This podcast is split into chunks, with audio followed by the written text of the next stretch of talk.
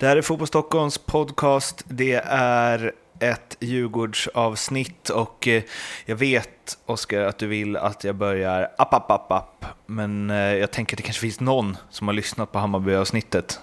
Så jag passar mig för det. Men vi har ju en app. Ja, och den tycker vi att vi ska marknadsföra nu eftersom vi har gjort svagt Efter ett halvår. marknadsföringsarbete. Nu konstaterar vi i ett avsnitt här att Djurgårdens kampanj i att inte göra någon kampanj vad det gäller årskorts, årskorten Just det. eh, föll ju väl ut. Det var ju nästan Ja. ingen som ville ha pengarna tillbaks. Nej. Så eh, med den lärdomen i bagaget så kanske vi inte borde säga det här. Det känns ju i och för sig inte som att bara för att vi inte pratar om vår app så kommer folk vilja ha den. Nej, det är och för sig svårt att leda det i mål kanske. Vill du prata om den då? Ja, men jag vill det. Ehm, Jag hoppas att ni som lyssnar har laddat ner vår app. Ehm, Och om ni inte har gjort det så tycker jag det är hög tid att göra det. Det är en eh, mycket fin produkt, får jag säga, i egenskap av eh, ob- objektiv recensent. Eh, nej, men den stora förtjänsten med appen, förutom att den är lätt och smidig och att, att ditt lag alltid är ett klick bort bara. Den, ja, man kommer direkt till det man är intresserad av. Men det är ju de här pushnotiserna som man kan få. Så om man lyssnar på den här podden så är det troligt att man vill klicka i Djurgårds-ikonen och sen så får man då alltid det senaste om sitt lag i pushnotisform. Och det är inte så dumt. Då behöver man inte leta runt så mycket av informationen utan då kommer den till dig av det som förhoppningsvis är relevant om ditt lag. Och man slipper störa sig på konkurrenterna. Att det skrivs även om dem, trot eller ej. Precis. Eh. Det, kan, ju- det kan ju vara så att man vill läsa om konkurrenterna också. Det finns ju trots allt ganska många som har ett intresse av det. Men eh, den tjänsten har i alla fall varit efterfrågad sen vi startade. Alltså, vissa, vissa har sagt att jag vill bara läsa mitt lag. Jag vill inte se de andra än så. Well, då har vi lösningen här. Sen känns det ju som att eh, Djurgårdssupportrar, som väl de flesta som lyssnar på det här avsnittet är, de vill nog läsa, eller ville i alla fall, efter derbyt, läsa även eh, AIK-rubriker. För derbyspöket är ju nu borta, i alla fall tillfälligt. Eh, det tog några år och några matcher. Men det, det gjorde eh, det. Sen så eh, Aslak von Witry såg till att det blev eh, Djurgårdsseger 1-0, snygg frispark och ja, vad, vad betyder det här? Hur mycket som helst. Det gör verkligen det. För att eh, på något sätt har det här varit det sista mentala hindret. Alltså det har ju... Det stora problemet för Djurgården under många år, det var ju, ja, men det var ju snarare tabellplaceringen då. Ehm, och sen när de börjat få ordning på det successivt så har de inte fått ordning på derbyna och det har legat där som en eh, våt filt över allting. Och eh, ja, det känner ju du till också. Om man pratar med Djurgårdssupportrar då kan man ju inte börja nämna ett ord på det innan det blir jobbigt på något sätt. Så att eh, få den här segern betyder eh, jättemycket. Då, eh, det är väldigt mycket man slipper framförallt eh, med den här, med den här eh, segern. Dels som man är supporter såklart, men framförallt på laget tänker jag då att man, man behöver inte fundera på vad felet är i derbyn. Och man behöver liksom inte slå knut på sig själv i sådana här resonemang. All right, men vad är, vad är det vi gör för fel i just derbyn? Ska vi ladda upp helt annorlunda här? Eller problemet att vi har laddat upp annorlunda, att vi borde göra som vanligt och så vidare? Ja, den, den slipper man ju eh, nästan helt nu, bara för att man har vunnit en gång. Så det var ju det är lite synd bara att eh, det sker utan publik. För nu har ju folk suttit hemma i sofforna och jublat och skrivit av sig på sociala medier möjligtvis. Men man får ju inte den här liksom, de här klassiska scenerna. De hade ju kanske Djurgårdsfamiljen mått ganska bra av också.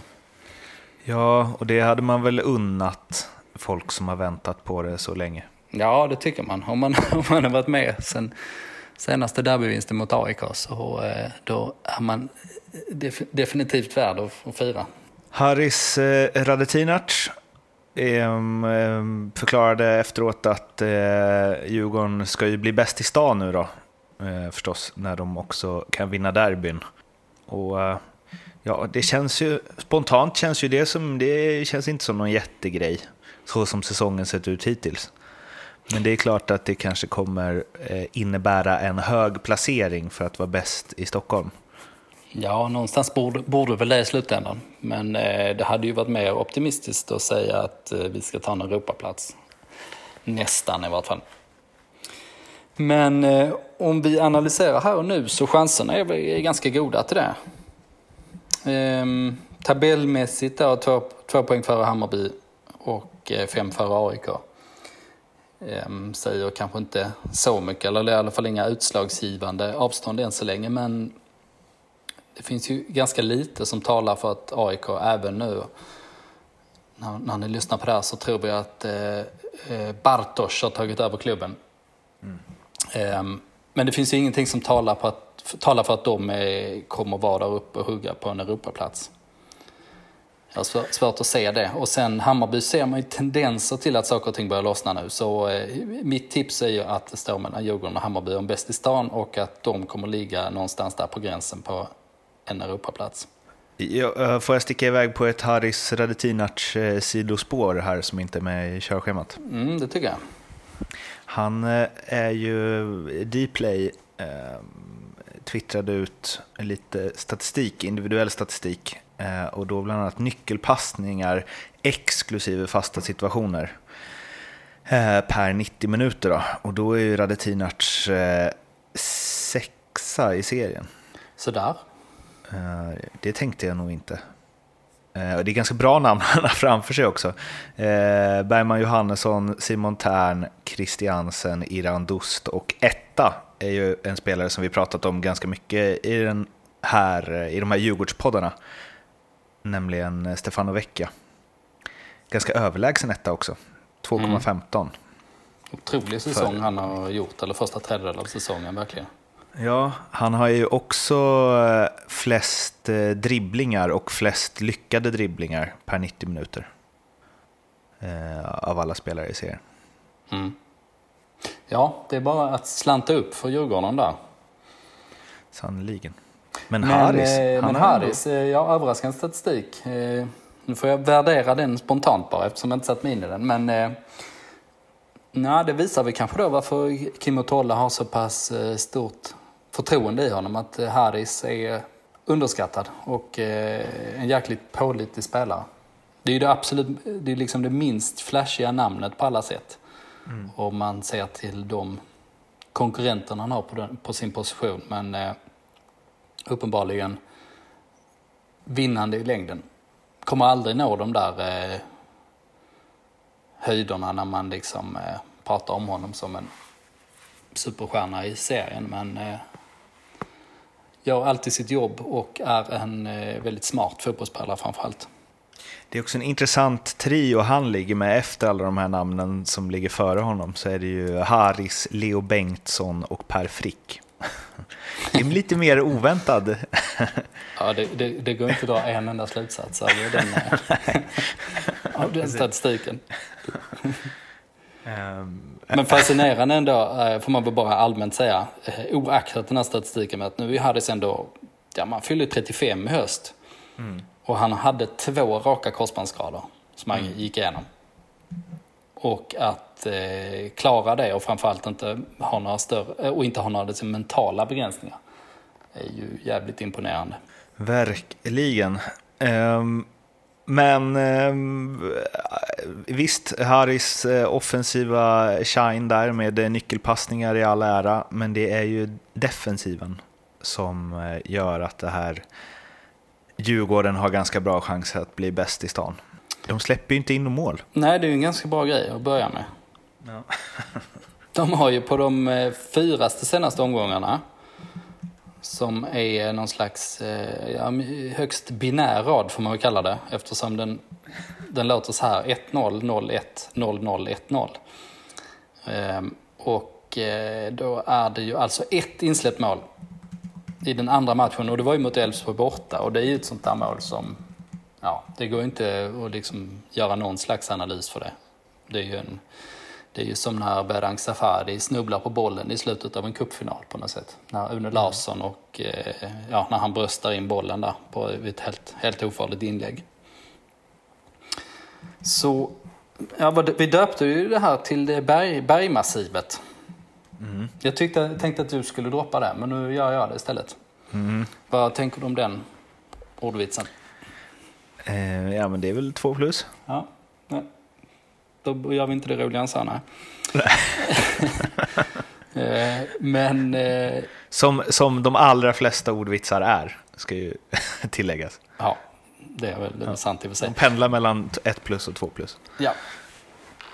Ehm, Den defensiva sexan där, som vi har pratat om tidigare, ehm, som, eh, ja, den, den sitter där den sitter och nu när Erik Berg spelar så pass säkert som han gör och resten har ju kommit upp i samma nivå som i fjol och Vittre är lite bättre. Alltså så det är ju, nu, ja nu har vi Danielssons exceptionella säsong i fjol och så vidare men det är ju, det är ju minst lika bra just nu som det var i fjol. Om vi bara bryter ut den delen, då, ja, men då är det ju mästarklass på den. Liksom.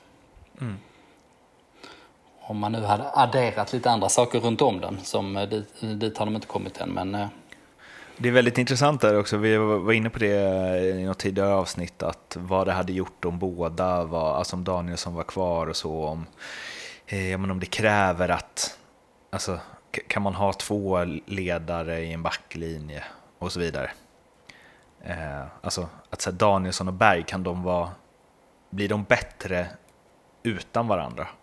Alltså de kanske är, eh, säg 9,5, 9,5 på allsvensk nivå om de är själva, men, eller 10 är väl Danielsson som mittback. Men, liksom, men att man, du, du måste ha, du måste vara den självklara första mittbacken för att kunna vara ditt bästa. mm, kanske. Eh, Danielsson be, sku, behövde ju uppenbarligen vara det. Alltså det var då han klev fram och, och blev så bra. Eh, Erik Berg, eller på den tiden hette Erik Johansson, han klarar ju definitivt vara nummer två och anpassar sig. Men nu kanske han har så pass hög status att han ändå liksom... Ja, han ska ha lite lösare tyglar i den mån man kan ha det som, som mittback. Men eh, nej, den stora skillnaden får vi väl ändå, vi får väl säga att det är Vittry, trots allt. För vi har ju, ja nu har vi redan kommit fram till att han är seriens bästa högerback för stunden. Och det intrycket har ju stärkts ordentligt. Särskilt om man hänger dit en frispark i det läget. Eh, I Täby såklart. Ja, hur bra är han då? För nu kan det ju börja ryckas i honom. Mm. Borde göra. Ja, precis. Det borde göra det. Och eh, man slås ju ofta av hur bristfällig scoutingen är, även på internationell nivå, när det köps spelare från allsvenskan. Ofta är det ju så spelare som är ett poängstim säl- säljs. Ja, de säljs alltid på sin formtopp, så det är liksom den som värderas kanske snarare än någon slags grundkapacitet över tid. Ehm, Men det betyder att när Vittry gör som han gör nu när han börjat eh, avgöra matcher och eh, ja, målet han gjorde mot eh, Falkenberg var ju hur snyggt som helst. Målet som du älskade Ehm, och målet han gjorde nu var ju en riktig pärla det också. Och den typen av prestationer, det sticker ju ut. Man får, man får ögonen på sig helt enkelt. Och eftersom även Ulvestad har visst intresse kring sig så är ju Ja, jag tror deras vara eller icke vara säsongen ut är ju lite ödesfrågor tror jag. För eh, hur det kommer gå helt enkelt den här säsongen.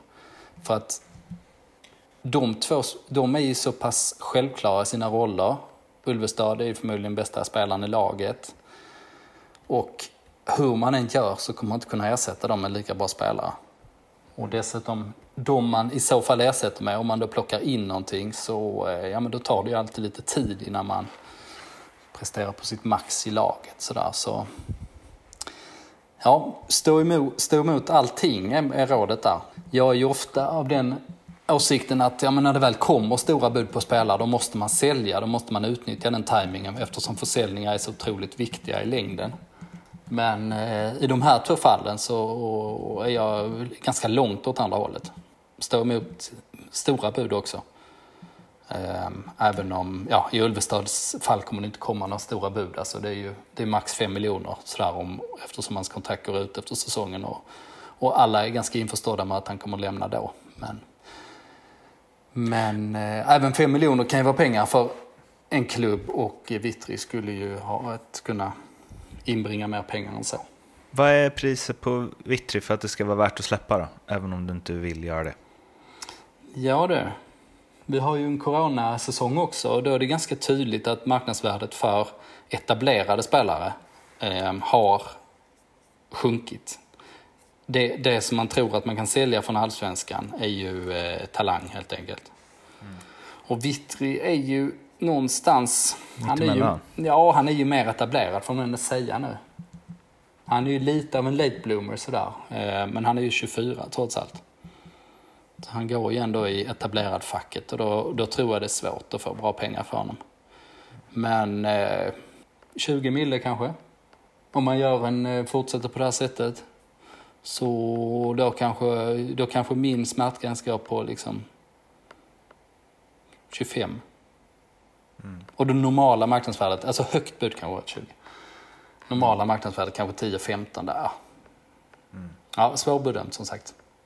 Jag tror ju Djurgården säljer om de får 20 för honom. Ja, det är nog rätt så troligt ändå. Mm. Och det är ju lätt att få belindas av eh, försäljningar som Djurgården har gjort tidigare. Alltså både afrikanska talanger framför allt och eh, ja, Felix Beijmo var ju också en jätteförsäljning. Alltså, jag har ju aldrig tyckt att Felix Beijmo haft den där kapaciteten som han själv kanske mest pratat om. Jag har aldrig sett att han kommer att bli en landslagsback till exempel. Att han gick för 30 miljoner var otroligt. Och sen så Danielsson-pengarna inte minst då. Mm. Ja, um, um, ja svår, svårbedömt. Men min rekommendation är i alla fall bara att håll, håll hårt i de här för att det kommer att bli jävligt kännbart att tappa dem. Åt andra hållet då? Kerim Rapti. Vi fick ju uppgifter på att det var så gott som klart. Och nu verkar det ju inte som att det är helt klart. Nej, det verkar inte så. De uppgifterna vi fick när vi kollade upp dem lite närmare så var ju kanske de lite överdrivna. Men det vi landade i då var ändå att ja, men det är ju det är inte långt ifrån att de, att de kom överens, skriver ett korttidskontrakt över säsongen. Ehm, och sen har ju Kerim blivit sjuk och eh, de hade möten inplanerade med Bosse och Kerim och agent och, och sen så ställdes det in.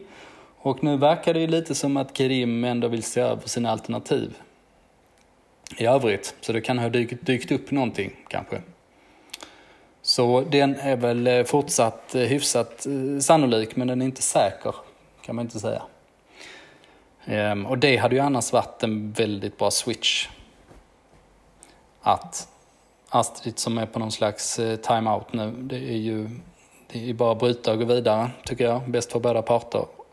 Och hade man fått in Krim så hade man ju fått in en mycket mer fungerande spelare. På alla sätt.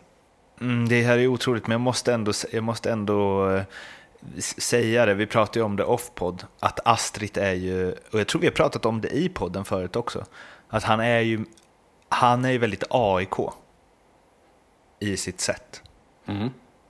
I, nu har han ju varit för dålig, men alltså jag bara, det hade varit, det hade varit så liksom, i alla fall Gnaget när Westrum bestämde och det gör han väl fortfarande en del över det sportsliga. Um, det hade varit så dom att liksom ta honom på en, alltså gratis och ge mm. det ett halvår. Mm, faktiskt. Och Astrid hade ju inte haft något problem med det, tror jag. Nej. Um... Snarare tvärtom. Kanske. Nu blev det ju, eh, nu, nu blir det ju inte Alexander Axén. Eh, som det trots allt var lite snack om, om att han skulle vara en korttidslösning.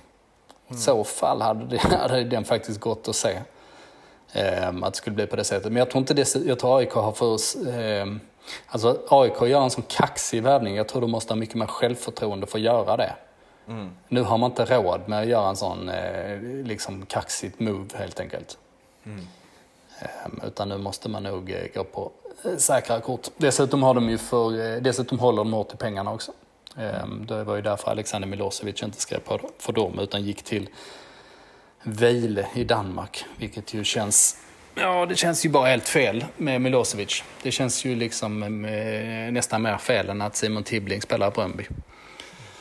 Varför kommer inte Simon bara hem ändå, har man ju undrat. Men är det inte Vejle som, det var väl där Alm var? De har väl lite deg va?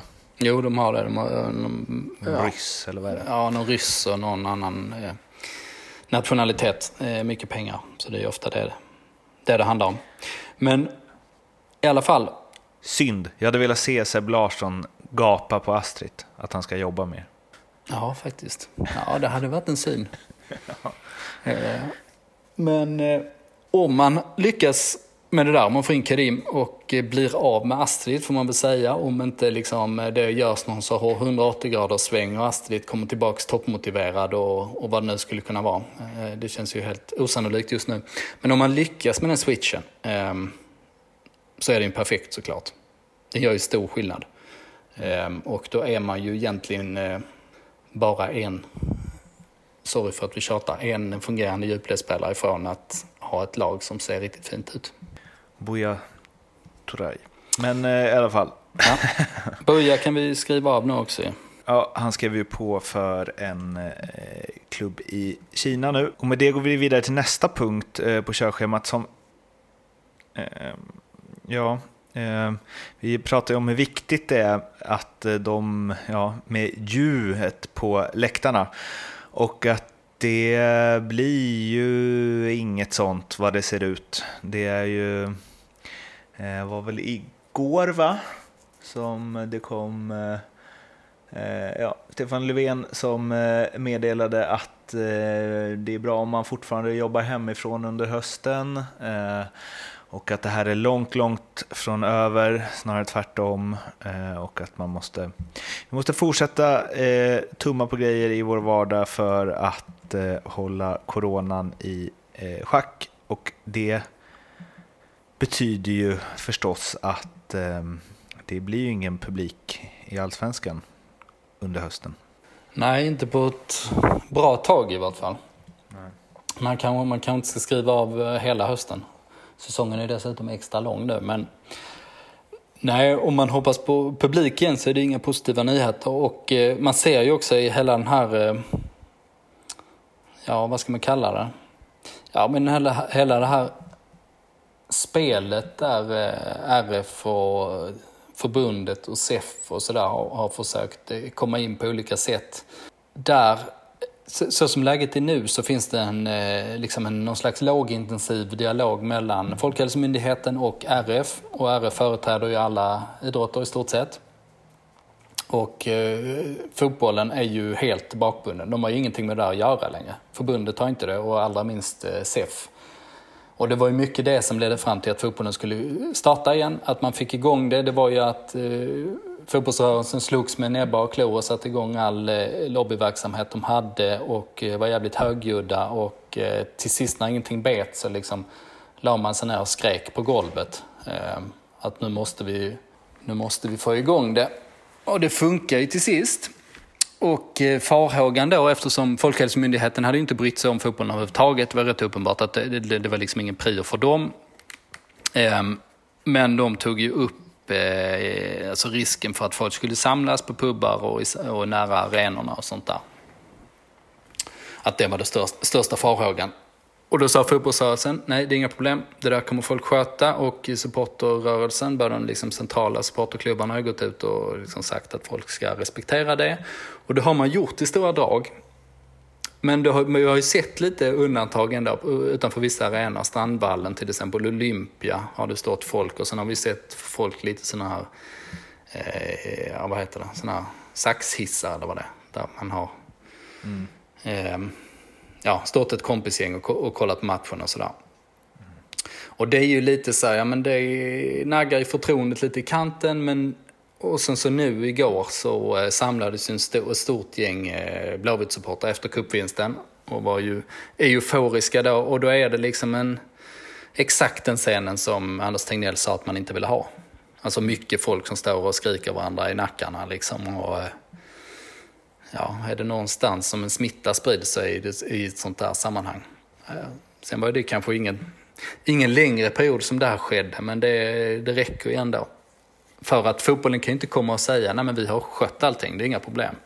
Dessutom har vi ju den här Örebro-historien som är, det är ju en smärre skandal tycker jag. De fick någon slags symbolisk böter för det bara. Men eh, att Örebro mörkade att de hade spelare som hade spytt inför match liksom och strunta i alla de här eh, protokollen som man måste uppfylla. Som är liksom själva förutsättningen för att man ska få spela fotboll överhuvudtaget. Det blir i alla fall svårare för fotbollen att komma då i och säga, nej men titta här, vi har ju skött allting. Det finns ingenting ni kan anmärka på. Eh, när det är sådana här flagranta över, övertramp som den har varit för det. Så, eh, ja, allt det där ihopvägt så eh, är det ju ganska lite som talar för publik på ett bra tag. Och eh, ja, desto senare man släpper på publik, desto, desto mindre är ju sannolikheten att man till exempel har eh, mer än 50 procent eller att man kanske till och med går mot fullsatt på slutet. Sånt, för att allting tyder på att man kommer ha en stegvis process när och om man nu gör det. Att man testar med lite mindre antal och så vidare till en början. Så eh, nej, den grejen eh, hade ju Djurgården behövt. Forceringsfaktorn där som vi snackade om. Mm. Ehm, och det kommer de nog inte ha. I det här fallet så om eh, liksom, eh, ja men Stockholmssupportrarna är väl de som är mest, har väl mest liksom skamfilat rykte bland eh, vanligt folk så att säga. Om det, om det är någon, någon grupp det finns fördomar mot så är det väl dem. Men, men de har ju ändå skött sig rätt bra får man säga. Den här gången är det ju andra man ska peka på kanske. Kanske det. Och en match där man kanske hade behövt det mer än eh, någon annanstans då är ju eh, den som sker om två matcher. Då det är dags för derby igen mot Bayern och vi var inne på det i bayern avsnittet att om det, lagen tar de poängen man kan tänka att de gör fram till dess så kan det bli ett eh, ja, rysarderby är väl att ta i kanske, men eh, det blir ändå en, ett redigt spännande derby. Ja, det blir lite, om man låtsas att man kan koppla bort publikfaktorn så kommer det påminna om de otroliga derbyna som vi har haft nu de sista åren. Framförallt i fjol får man säga. För vi tror ju att Hammarby kan ta sex poäng. Det känns som de tar fyra till sex poäng fram till dess och det har man ju på Djurgården också. De har ju Häcken hemma, Varberg borta. Det finns ju, med tanke på stabila Djurgården nu så finns det goda chanser där att man tar fyra poäng eller så. Och gör båda klubbarna det, då är de ju uppe där och slåss vid Europastrecket någonstans. Då är det liksom nästan som man kan kalla det för en riktig toppmatch också. Och eh, ja, som sagt, känslan är, om vi pratar bäst i stan, att det står mellan, mellan Djurgården och Hammarby. Ja, så eh, det derbyt kanske skulle kunna bli en eh, fingervisning då. Jag kan tänka mig att djurgårdare är taggade på derbyn nu, även om det är från soffan. Mm, det kan man ju tänka sig. Nu är det inte alls samma ångest när man går in i den där. Såklart. Dessutom om man ska se det som en fingervisning, det är, det är ju under alla omständigheter det mest neutrala derbyt som man någonsin kan spela. Det kan ju inte finnas någon faktor som, som talar för det ena eller det andra laget. Mm. Ja, det är fan sant. Mm. Det är tråk, tråkigt att sälja in det se. Verkligen. Alltså, vi sålde precis in det, sen ändrade du det till det neutrala derbyt. Derby de la neutrale. Ja. Nej. Nej, det får vi jobba på. ja, det får vi jobba på. Men vi har ju lite kvar i vår marknadsföringsbit, konstaterar vi i början av programmet. Ja, exakt. Så därför så ska jag jobba på det också och säga nu, ladda hem vår app. Gör det bara och testa om ni inte gjort det det ni kommer inte bli besvikna. Tror vi. Eh, vi hörs igen eh, nästa vecka. Tills dess så finns vi på Instagram, vi finns på Twitter och vi finns på Facebook. Så följ oss gärna och snacka med oss där och prenumerera gärna på podden. Så hörs vi inom kort. Må gott. Hej då! Hej då!